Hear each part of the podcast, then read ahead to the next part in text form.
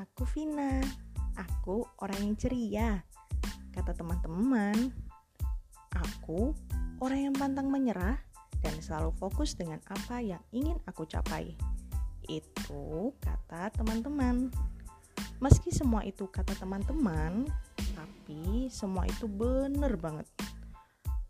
Aku suka tantangan dan peka akan lawan. Seperti pemandangan pagi ini.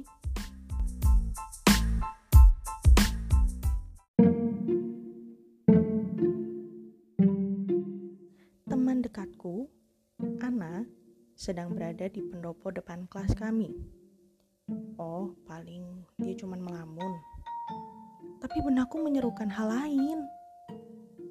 Coba lihat apa yang dilihat Ana. Seruan itulah yang terdengar dalam pikirku. Akhirnya, aku melangkahkan tiga sampai empat langkah dari titik aku berdiri.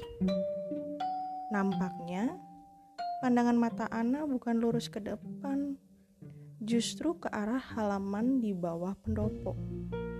Ternyata ada kesayangan aku dan dua sahabatnya.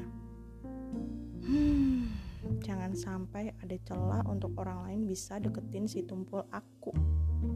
Akhirnya aku memanggil dan menepuk pundaknya supaya bisa memecahkan konsentrasi pandangannya. Kemudian aku mulai basa-basi di pagi hari. Tapi menurutku Ana tidak tahu siapa yang dilihat. Padahal yang dilihatnya adalah para pria populer di sekolah.